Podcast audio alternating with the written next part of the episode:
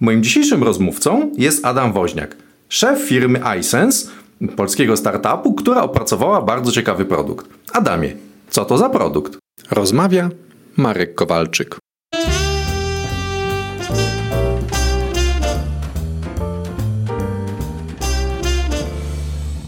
Aby dowiedzieć się więcej, odwiedź mój blog projektynaczas.pl. Witam.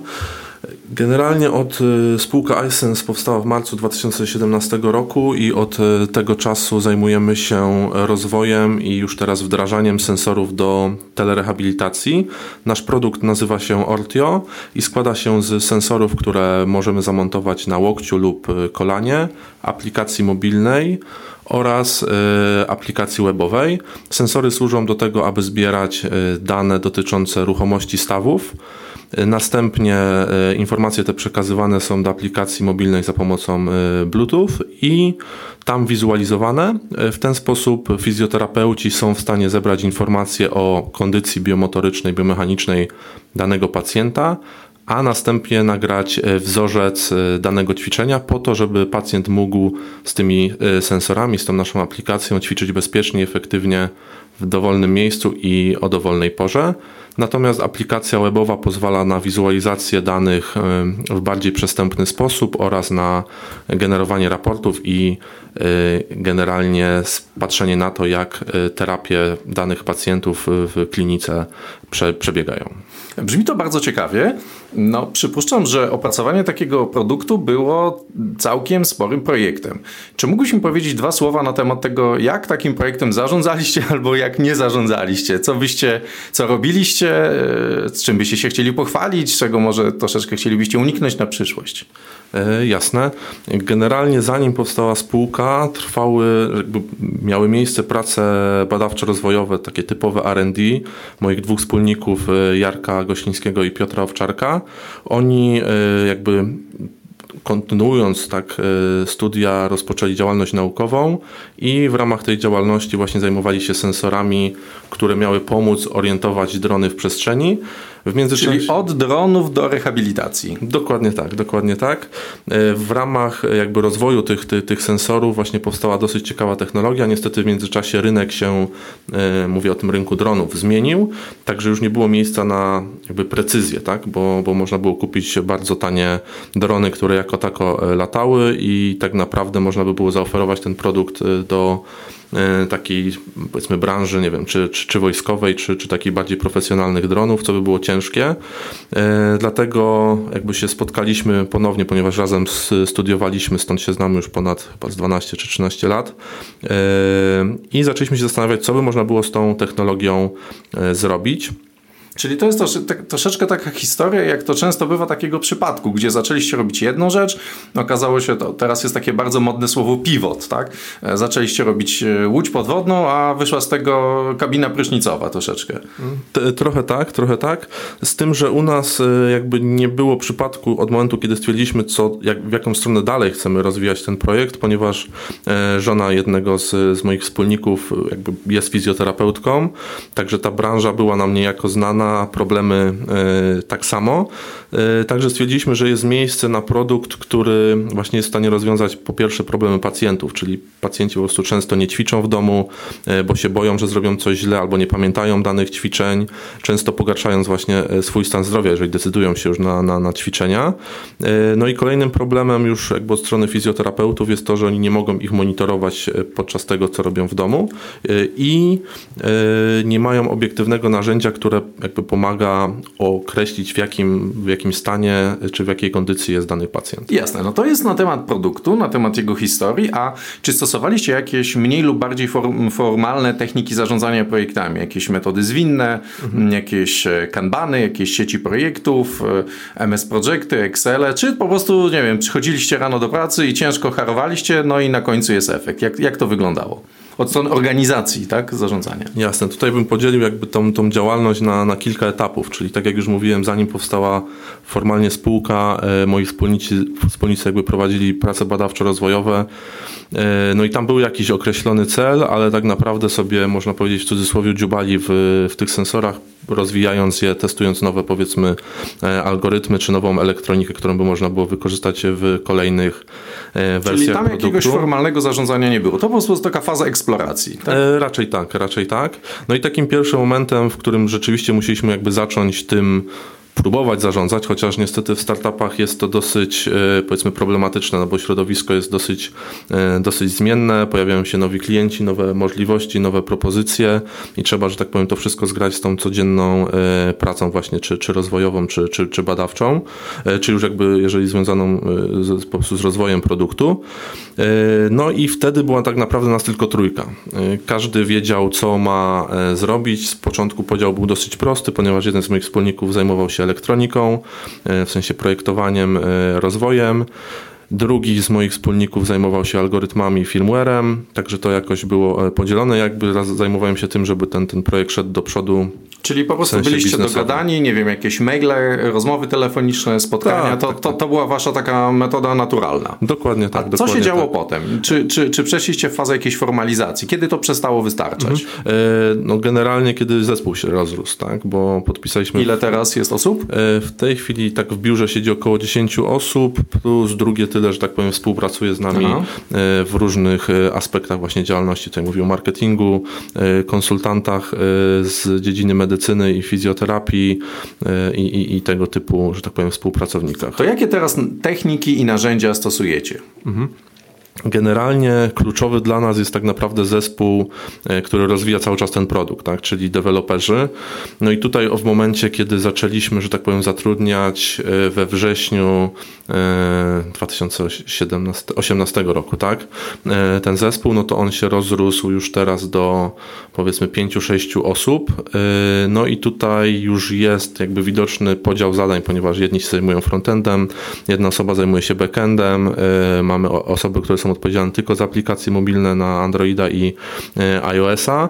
Także tutaj już trzeba było, że tak powiem, zacząć wprowadzać na jakiś powiedzmy tak, jakiś, jakąś formułę formę za, zarządzania tym wszystkim. No właśnie, co to za formuła? E, tak, generalnie mamy powiedzmy jakieś takie długofalowe cele, które sobie ustaliliśmy wspólnie wewnętrznie i które zaakceptował e, inwestor jeżeli tutaj mówimy o rozwoju właśnie e, tych aplikacji.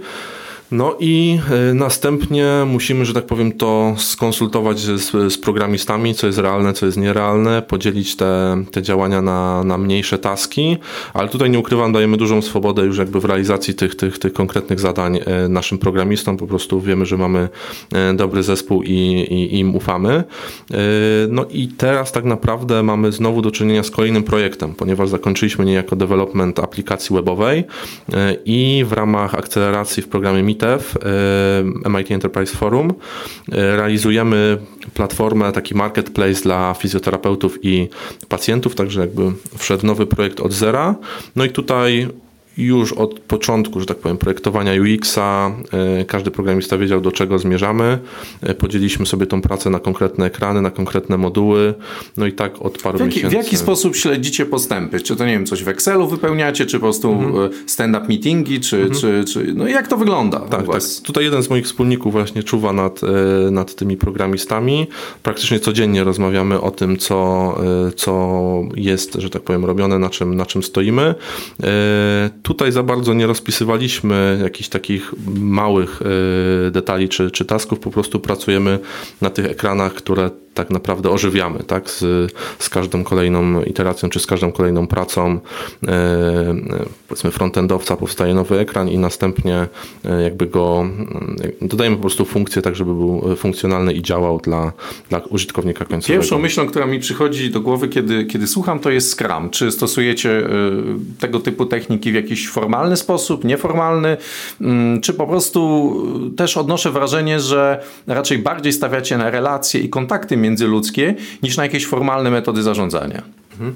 Generalnie można by to określić rzeczywiście jako mniej formalny Scrum, żeby nie powiedzieć nieformalny, e, no ponieważ tak jak mówiłem, w tym, w tym naszym środowisku e, pracy często jest tak, że e, powiedzmy mamy do czynienia z czymś nowym, na przykład w kontekście tego nowego projektu prze, zmieniliśmy zupełnie technologię, tak? czyli mieliśmy przeszkolonych programistów w, w danej technologii, stwierdziliśmy, że jednak zmieniamy ją i wykorzystamy inną, co powoduje, że, znaczy powoduje coś, czego w Scrumie, że tak powiem, to, co w Scrum jest ciężkie do uwzględnienia, czyli czas uczenia się, tak? To, to nie jest jakby enty projekt w danej technologii i każdy wie co i jak ma robić, także tutaj... Czyli jesteście nawet bardziej zwinni niż Scrum.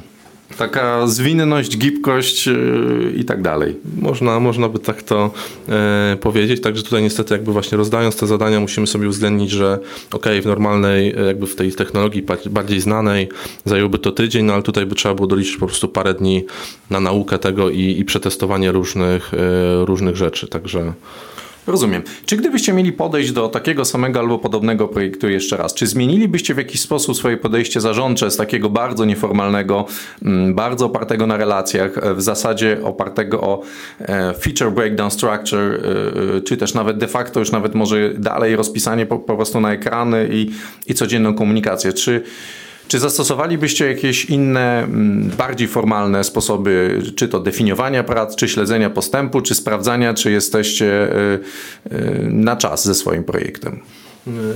Raczej tak, z tym, że powtarzam, nie? po raz kolejny jesteśmy w tym środowisku, działamy w tym środowisku startupowym i tutaj czasem mamy do czynienia z ograniczonymi funduszami e, i zdajemy sobie sprawę, że to, czego brakuje właśnie w naszym zespole, to są, to jest po prostu project manager z prawdziwego zdarzenia, który jakby zacząłby e, właśnie wprowadzać tego typu bardziej formalne tak, e, działania, tak żebyśmy rzeczywiście panowali trochę bardziej nad tym, no ale tak jak mówię, to się wszystko niestety sprowadza często do e, funduszy, które raz są, raz ich nie ma. Także.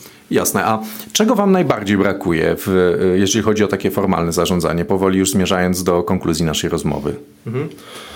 E, jest sporo narzędzi. Ja korzystałem z, z, kilku, z kilku wcześniej, na przykład nie wiem, czy Trello, czy, czy jakieś inne rzeczy związane właśnie z, z, z tworzeniem tych, tych tasków, y, jakichś kryteriów akceptacji y, i tak dalej. Także to, czego nam brakuje, no to powiedzmy osoba, która by rzeczywiście wprowadziła całą procedurę, cały proces i zarządzała i kontynuowała właśnie e, działania już na takim bardziej, że tak powiem, sformalizowanym, mm, jakby to powiedzieć, etapie. Rozumiem, czyli nawet w startupach, nawet w bardzo zwinnych i, i niepewnych y, środowiskach, pewna doza zarządzania projektami, oczywiście dostosowana do, y, do okazji, do produktu, do, do środowiska jest konieczna. A gdybyś miał mm, na koniec naszej rozmowy jedną poradę, taką y, coś, takie lessons learned dla osób, które są w podobnej sytuacji, które albo są na początku drogi, no albo już są w fazie takiego większego rozwoju. Jedno takie zdanie od mądrego człowieka, który uśmiechasz się, no tak, y, który przeszedł pewną drogę. Jedna porada na koniec. E, wydaje mi się, że najważniejsze tutaj e, jest przygotowanie siebie na to, że jedyną jakby jedynym pewnikiem jest właśnie to, że będą zmiany, że będzie dużo tych zmian, bo, bo to jest e, coś, co niestety w tym środowisku się dzieje. Powiedzmy, rozmowa z nowym klientem, czy z potencjalnym klientem, z nowym inwestorem, E, czy ogólnie powiedzmy z użytkownikami końcowymi, może spowodować to, że ten produkt, że tak powiem, trzeba będzie obrócić o, o 180 stopni. Także nie przywiązywać się, e, badać rynek i, i być przygotowanym na to, że trzeba będzie wprowadzać zmiany. Adamie, bardzo Ci dziękuję za tę rozmowę. Gdyby któryś ze słuchaczy chciał się z Tobą skontaktować, jak można Cię znaleźć, jak można znaleźć Waszą firmę? Mhm. Zapraszam na stronę www.isense.co lub stronę www.ortio.com aicns.com. aicns.co. Tak? Nie com, tylko co. Dokładnie tak. Dziękuję Ci bardzo za rozmowę i życzę powodzenia. Dziękuję bardzo. Rozmawiał Marek Kowalczyk. Aby dowiedzieć się więcej, odwiedź mój blog projektynaczas.pl.